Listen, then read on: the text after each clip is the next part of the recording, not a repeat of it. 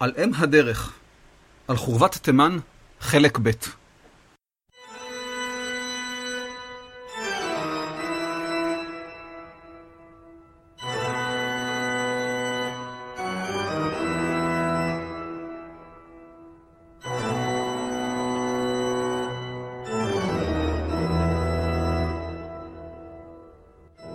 דברי הימים, הסכת על המקרא והמזרח הקדום.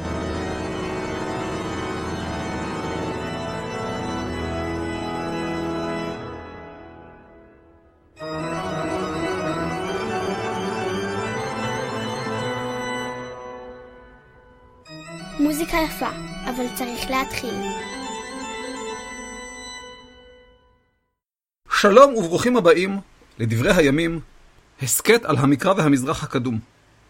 א' באלול, שנת 2802, למות יואש בן יהואחז, מלך ישראל. שם הפרק, על אם הדרך, על חורבת תימן, חלק ב'. אני דוקטור אילן אבקסיס, ונפתח בהתנצלות. אם תשמעו זמזום קל ברקע, זה מאוורר. אני אוהב אתכם, אבל יש גבול עד כמה אני מוכן לסבול עבורכם. ולפני שנגלוש לגוף הפרק, אני ממליץ בחום להציץ בדף הפרק או בדף הפייסבוק של התוכנית ולראות את הציורים מהאתר אשר בחלקם נדון בפרק זה. ניתן לראותם גם במהלך או אחרי השידור כמובן, אבל הכי טוב לפני. אין טוב ממראה עיניים.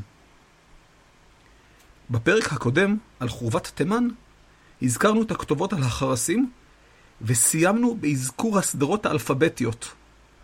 כלומר, אותם חרסים בהם נרשמו אותיות האלף-בית כסדרן. עתה נדון בקבוצת כתובות נוספת, כתובות על גבי טיח.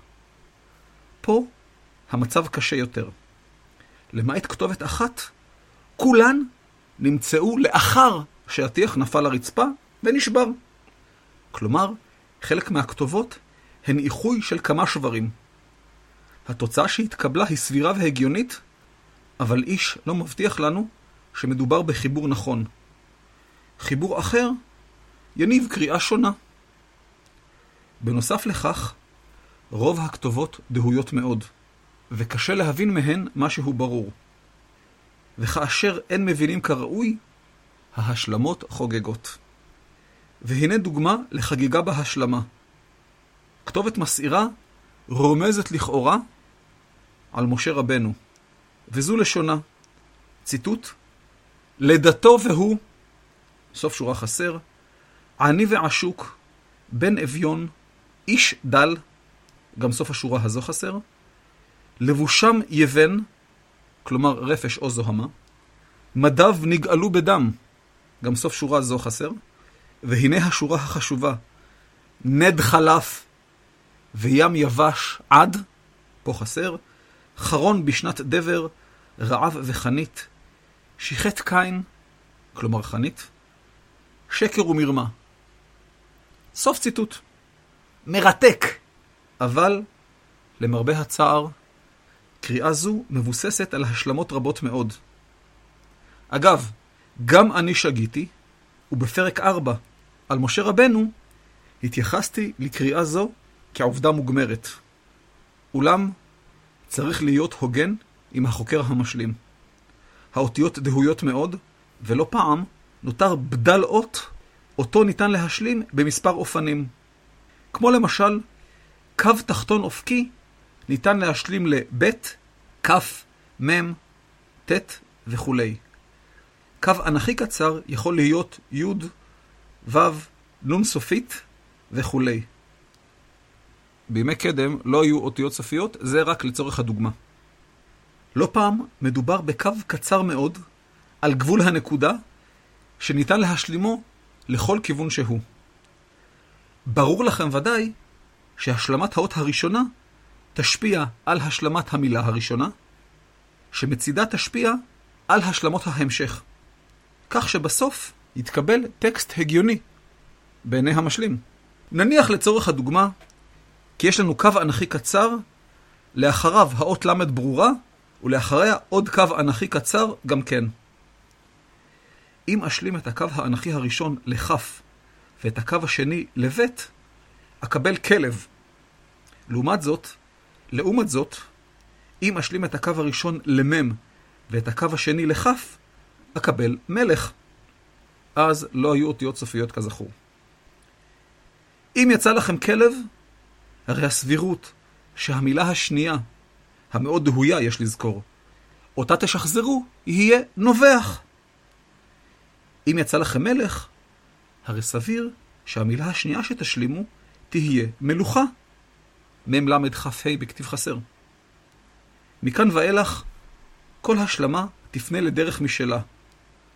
במקרה אחד נקבל טקסט הגיוני בסך הכל, על מגפת כלבת, ובמקרה השני נקבל טקסט הגיוני לא פחות, על מלך רב מעללים. בפרסום חדש של הכתובת, רואים היטב את פערי הכתובת. ציטוט: הלי, חסר מאוד, חסק, באה, אולי יש לגרוס אדום. בקריאה האופטימית קוראים כאן עני ועשוק. בשורות הבאות יש כמה אותיות בודדות, רובן דהויות.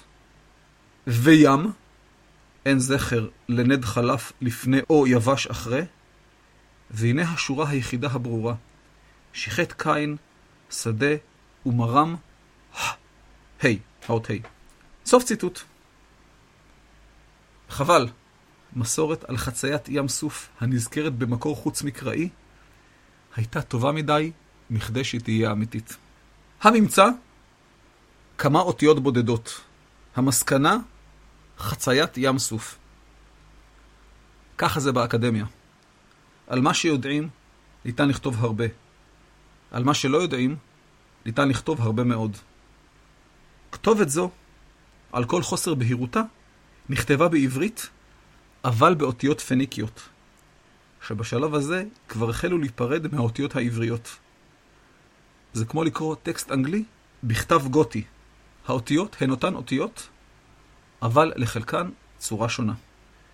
ישנה כתובת פיניקית בכתב פיניקי, רמז לקשרים ההדוקים בין ממלכת ישראל לממלכת צור וצידון.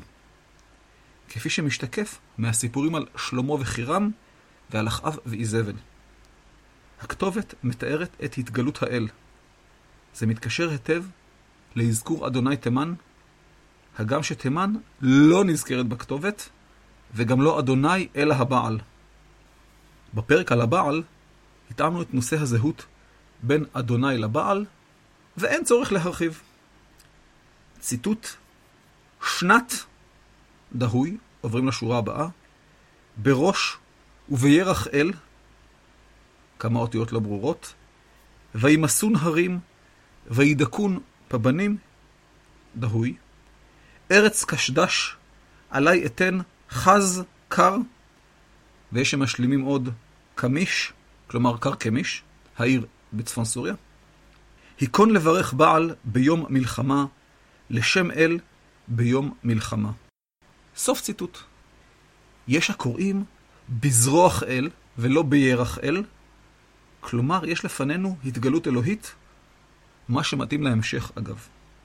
ההרים נמסים והפבנים מדוכאים. פבנים היא מילה שאולה מחורית דווקא, שמשמעה הרים. כלומר, יש לנו תקבולת, אמצעי שירי ידוע במקרא, המתארת את השפעת התגלות האל על ההרים. הזכרנו את התגלות האל בחבקוק, והנה עוד פסוק המתאר ריסוק הרים. ציטוט: ויתפוצצו הרי עד, שחו גבעות עולם. סוף ציטוט. ההרים הנמסים גם נזכרים במקרא. ציטוט: הרים כדון הגנמסו מלפני אדוני, מלפני אדון כל הארץ. סוף ציטוט. ארץ קשדש איננה מזוהה. חבל. ושימו לב, היכון לברך בעל ביום מלחמה, לשם אל ביום מלחמה. זוהי ברכת האל בעל לשמו של האל ביום מלחמה. הרעיון שהאל הולך לפני המחנה, ידוע ומוכר. דוגמה קצרה, בני ישראל לקחו את ארון הברית לקרב אבן העזר, ושם הארון נפל בשבי הפלישתים. כמסופר בספר שמואל, והדברים ידועים. ישנן עוד כמה כתובות, אך הרעיון ברור, ובשמחה נעבור לציורים. אני מזכיר למי שטרם שזף את עיניו בציורים שבדף הפרק ובדף הפייסבוק, לעשות זאת. מרבית הציורים צוירו על גבי אותם שני פיטסים קדושים, שעל שבריהם מופיעות כמה וכמה מהכתובות. אותם פיטסים מחבר מוצא, שהובאו מאזור ירושלים. שאר הציורים התגלו על טיח המבנים. אני מזכיר שחבר מוצא הוא אדמת הטין באזור ירושלים. ההשערה המקובלת בנוגע לציורים שעל שברי הפיטסים היא כי הציורים שימשו כמתווים או סקיצות לציורים האמיתיים שצוירו במקום אחר, כנראה על קירות המבנים. הפיטס הוא כלי אגירה גדול, היכול להגיע לגובה של שני מטרים, ועל כן שבריו הגדולים שימשו כמצע גדול ונוח לציורים השונים. היעדר כמעט מוחלט של חרסים מצוירים בממצא החומרי מהמזרח הקדום, רומז גם כן כי מדובר למעשה בטיוטות ולא בציור האמיתי.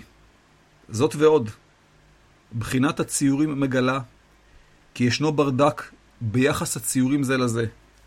כלומר, אין כל מערך ציורי שהוא. ישנו אוסף דמויות שונות כחיות, צמחים, יצורי כלאיים ומרכבות, ללא חוט מקשר כלשהו. כמו כן, היו לפחות שלושה ציירים שונים, וחלף זמן רב בין פעילות ציור אחת לשנייה. כל האמור לאל רומז גם כן כי מדובר במתווים בלבד. זאת ועוד, בעוד שציורי הקיר נעשו ביד אומן בוטחת והם מרובי גוונים, הרי ציורי החרסים הם חד-גוניים ובוצעו באופן רשלני. לעובדה כי מדובר בטיוטות, יש משמעות לגבי שאלה נוספת שהועלתה במחקר. מהו היחס בין הכתובות לציורים שמופיעים על אותו חרס ממש? האם הציורים מגלים זיקה לכתובות? או שמא מדובר בשני יקומים מקבילים שאומניהם חלקו את אותו המרחב?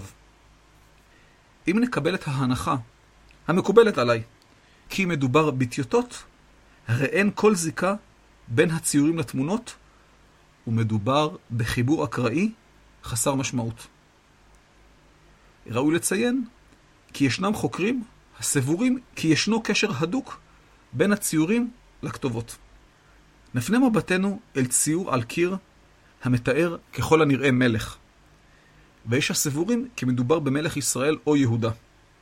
ציור זה היה על אומנת הכניסה במבנה המרכזי. אומנה היא עמוד תמך גדול. כלומר, כל מי שנכנס לאתר נחשף לציור הזה. זה היה חלון הראווה של המבנה. הצגת מלך בכניסה למבנה רומזת כי זהו מבנה שלטוני ולא דתי. בבחינת שופוני ינס, זה בערבית, ובעברית ראו אותי אנשים.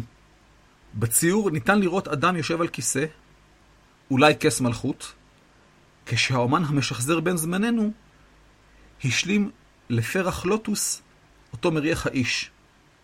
יבוא המאזין הערני, במקרה הזה אזוב הקיר ממועצת החכמים, ויטען, איפה אתה רואה פה פרח לוטוס? זה יכול להיות גביע יין, או פולקה של עוף. אז קודם כל, הוא צודק. זה בהחלט יכול להיות גביע יין או פולקה. ההשלמה ללוטוס מתבססת על ציורים אחרים מהמרחב, בהם נראים שליטים יושבים, מביטים ימינה, כמו הבחור אצלנו, ומריחים פרח לוטוס. כלומר, סטטיסטית, מדובר בלוטוס, אך לא בלוטוס. ציור שני ממבנה B, שמראה שרידי ביצור בדמות חומה ומגדל. אפשר שלציור זה ניתן לקשור כמה מציורי החרסים, בהם נראים סוס ומרכבה שלא ממש שרדה, וכן קשת. תיאורי מלחמה בדמות חיילים ומרכבות קרב מוכרים מרחבי המזרח הקדום, ונפוצו כאמצעי תעמולה ידוע של שליטים במרחב, בייחוד אצל האשורים. אולי יש פה זיקה כלשהי לאשור עוד בטרם הגיעו צבאות אשור לארץ ישראל. אני רוצה להזכיר שיואש מלך ישראל אשר בתקופתו התקיים האתר, היה המלך ששחרר את ממלכת ישראל מהשעבוד הארמי, כנזכר במלכים ב' פרק י"ג, והחל במסע כיבושים שהגיע לשיאו בימי בנו ויורשו, ירובעם השני. אז לא מן הנמנע שאותו מלך דאג להפיץ את בשורת כוחו ועוצם ידו גם פה. ישנו ציור של לביאה וחזיר, בפרק עתידי על החזיר, נרחיב בעניין. קבוצה אחרת של ציורים קשורה לאלוהות מגוננת. הן דמויות אנושיות והן דמויות של חיות. בציור על פיתס ניתן לראות עץ בעל סלסולים המייצג כנראה את האשרה. משני צידי העץ יש יעלים המכרסמים את עלי העץ. מתחת לעץ יש דמות אריה הפונה ימינה. ציור של עץ מעל אריה מוכר מאשור. שם הציור של אשתורת. מכאן הזיהוי של ציור זה עם האשרה, שהיא בת זוגו של אדוני כזכור, באותה תקופה. שני ציורי פרות התגלו על חרסים. בציור אחד יש דמות פרה מניקה ועגל יונק, ובציור השני שרדה רק הפרה ללא העגל. רכיב הפרה המניקה נפוץ מאוד ברחבי המזרח הקדום, והוא קשור לפולחן הפוריות, הן של הצמחים, הן של בעלי החיים, והן של בני האדם. הפרות, ובעיקר העגל היונק, מזכירים מיד הן את העגל בממלכת ישראל, והן את הכרוב, שהוא שור מחונף, בממלכת יהודה. ציור מרתק, שהצליח לבלבל לא מעט חוקרים, הוא הציור בו נראות שתי דמויות, וברקע דמות שלישית. ניתן להבחין כי הדמות השמאלית היא בעלת אינסטלציה מפותחת למדי, אם אתם מבינים למה אני מתכוון, ואילו לדמות הימנית יש עיגולים המדגישים את החזה הנשי. שתי הדמויות זוהו בתור האל המצרי בס. אל זוטר למדי, יש להודות. העובדה שאת ראשו של בס חותכת, במרכאות, כתובת המזכירה את אדוני ואשרתו, גרמה לכמה חוקרים לראות בדמויות אלה ייצוג גרפי של אדוני אלוהי ישראל ואשרתו. אולם, ייצוג גרפי של האל בצורה כזו, ועוד בצורת אל זוטר למדי ממצרים הרחוקה, לא מוכר לנו כלל ועיקר. אלוהויות במזרח הקדום יוצגו בדרך כלל על ידי חיות המסמלות אותן, או בדמויות אנוש, ללא תוספת כמעט. למעט כנפיים אצל החיטים. אין לנו שום תקדים שאל גדול, ואדוני הוא בהחלט אל גדול בעיני מאמיניו, תואר בדמותו הזוטרה והלא חשובה של בס. זאת ועוד, בהנחה שהכתובות והציורים, שהם טיוטות כזכור, לא מקיימים כל זיקה ביניהם, הרי אין לכרוך את הכתובת עם הציור. מדובר באל המצרי בס, ששימש כסוג של אלוהות מגוננת זעירה, מעין קמע או משהו כזה. ישנם עוד ממצאים מרתקים באתר, כדוגמת קברה שנשמרה כמעט כמות שהיא, בשל היובש המדברי, אריגים ועוד ממצאים אורגניים שעזרו לתארך את האתר באמצעות פחמן 14 כזכור. אבל הזמן קצר והמלאכה מרובה. אז נמשיך הלאה. בתחילת דבריי טענתי כי האתר הוא אתר ישראלי. זאת על פי אזכור אדוני, האל הלאומי הישראלי. יבוא המאזין הערני ויגיד, רגע, גם בממלכת יהודה סגדו לאדוני. פתחתי מפה וראיתי שיהודה קרובה בהרבה מישראל לאתר. מדוע אין זה אתר יהודאי? לכך אענה, כי הראיות מצביעות לכיוון ממלכת ישראל. והנה הן. אחת, שימוש ביו, י"ו, כרכיב תיאופורי בשמות, נחשב כרכיב אופייני לממלכת ישראל. ביהודה הרכיב הנפוץ היה יהו, י"ה.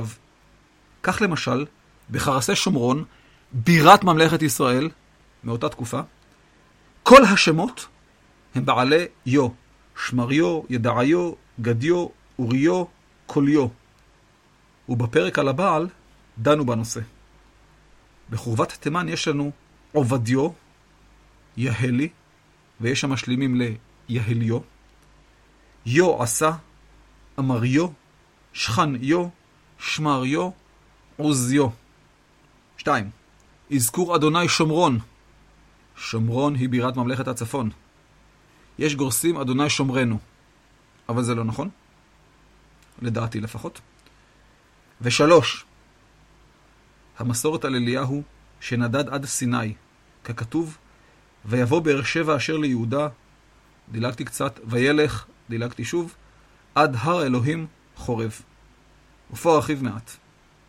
ממלכת ישראל מגלה זיקה רבה לסיני, ובעיקר לסיפור יציאת מצרים.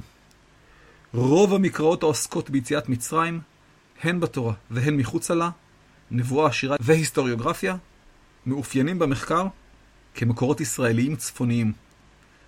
גיבורים ישראלים צפוניים תוארו לא פעם כמשה שני.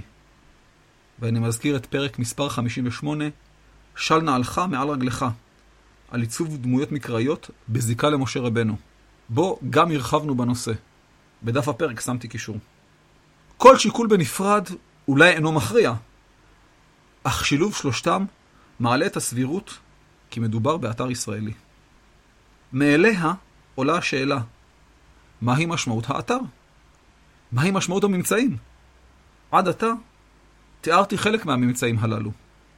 אבל מה זה אומר? חשיבות האתר היא בתרומתו האדירה לחקר המקרא והמזרח הקדום, בדגש על ההיסטוריה של עם ישראל. הכתובות הרימו תרומה חשובה בכמה וכמה תחומי עניין. לחקר השמות בימי המקרא, לחקר הפלאוגרפיה, הכתב העתיק, צורת האותיות וכולי, וכן גם לחקר האוריינות בישראל במאה השמינית לפני הספירה. מתברר שהייתה זו חברה אוריינית באופן נרחב ועמוק בהרבה מששיערו החוקרים. האמונה כי רק מתי מעט ידעו קרוא וכתוב, הייתה נכונה, אבל לא במאה השמינית. בחור נידח, באמצע שום מקום, ישבו אנשי ממשל שידעו כתיבה תמה מהי, וידעו לנסח ברכות בלשון ספרותית נאה ועשירה. ואם אזובי הקיר יודעים קרוא וכתוב, מה קורה עם הארזים? תרומה מדהימה יש לנו בתחום חקר האמונה הישראלית בימי המקרא. אם אומר שהכתובות חוללו רעידת אדמה, אדבר בלשון המעטה. התברר כי לפחות חלק מהישראלים האמינו באדוני והאמינו גם בזוגתו העשרה. לפתע מתברר כי התיאורים המקראיים בנוגע לפולחן העשרה משקפים הערכה בדיעבד, ולא את האופן בו אנשי ישראל הקדומים תפסו את פולחן העשרה. הקדשנו לזה פרק שלם על עבודת הבעל, ולא נרחיב. מי שרוצה לראות את הממצאים המדהימים הללו במו עיניו, עלול לנחול מפח נפש. במסגרת הסכם השלום עם מצרים, החליטה מדינת ישראל להיות המדינה היחידה בעולם, ואמנע מכמה כינויי גנאי לממשלת ישראל שהחליטה על כך, להחזיר את הממצאים לידי המצרים בטענה שמקורם הוא בשטח מצרי. זה נכון אמנם, אבל כל עוד הפרטנון בלונדון וכתובת השילוח באיסטנבול, לא ברור מדוע דווקא ישראל התנדבה למסור את עברה לידי המצרים. וכך, בשנת 1994 הוחזרו הממצאים למצרים ושוכנו במוזיאון באל-עריש. לאור המצב באל-עריש והקרבות של צבא מצרים מול דאעש, איני יודע מהו גורל הממצאים. הימור שלי, הם כבר לא שם. ולא כי מישהו הבריח אותם לישראל בחזרה. עצוב. זהו! עד כאן, על אם הדרך, על חורבת תימן, חלק ב'. תודה לכם שהאזנתם. תודה לחברי מועצת החכמים, אבי הרטמן, חיים ארמון, אורן קריסטל, ליאור סלע, אזוב הקיר ואלון גלוסקה, שסייעו לי לצייר את הסקיצה של הפרק על חרס. במהלך הפרק הכפול נעזרתי בספר לאדוני תימן ולאשרתו, הכתובות והציורים מחורבת תימן, בסוגריים כונתילת עג'רוד, בסיני. אנא סמנו אהבתי בדף הפייסבוק וברשומות השונות, והמריצו את חבריכם לנהוג כמוכם. הגידו בגת ובשרו בחוצות אשקלון, שתשמחנה בנות קדש ברנע, שתעלוזנה בנות עזוז. הדואל הוא אילן, כרוכית ilanabc.co.il. גם טופס צור קשר ממתין דומם, וגם רשימת התפוצה מחכה לכם. אני מזכיר שדברי הימים מחזיק באמתחתו ערוץ טוויטר. חפשו דברי הימים. עדכונים, חידושים ועוד דברים שמצטייצים היטב. כמו כן, אנא הקפידו להזין את ה-RSS הראוי.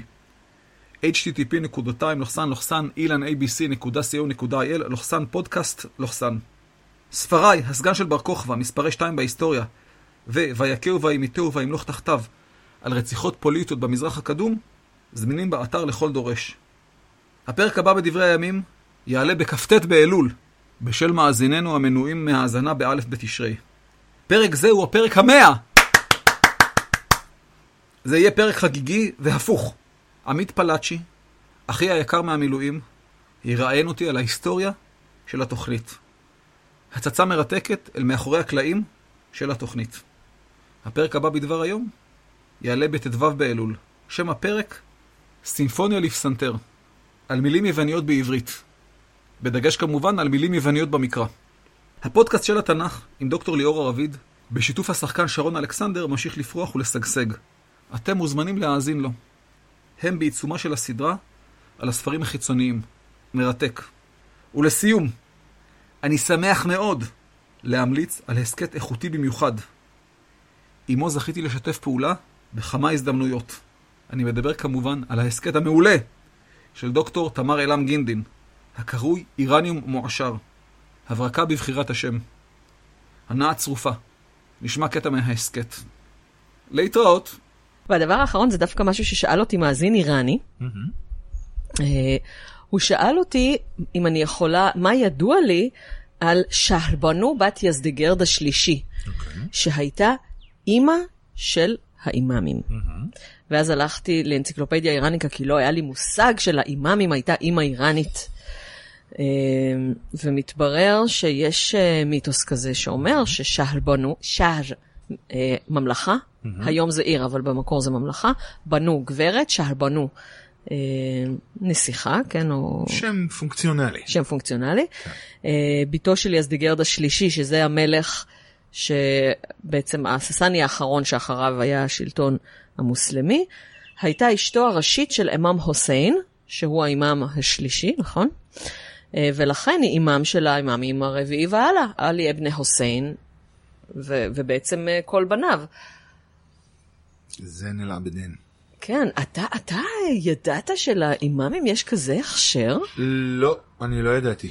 אה, אחרי ששאלת את השאלה והלכנו לבדוק, אני לא ידעתי. אני, אני לא מופתע, כי יש נטייה אה, אצל השיעים בכלל אה, לסגור מעגלים עד כמה שאפשר. Mm-hmm. זאת אומרת, לסדר... שוב, זה קצת קשור למה שדיברנו עכשיו לפני, שני, לפני כמה דקות על המדיניות האיראנית. Uh, במקומות שבהם יש משהו שחשוב לשיעים, צריכה להיות נגיעה שיעית. Uh, וצריך לנסות לסגור עד כמה שאפשר, לא לסגור הרמטית, אבל צריך שיהיה, שזה לא יהיה קרח מפניות. אז, אז אני לא, לא מופתע מהסידור הזה, אבל לא, לא ידעתי, וזה סיפור מאוד מעניין.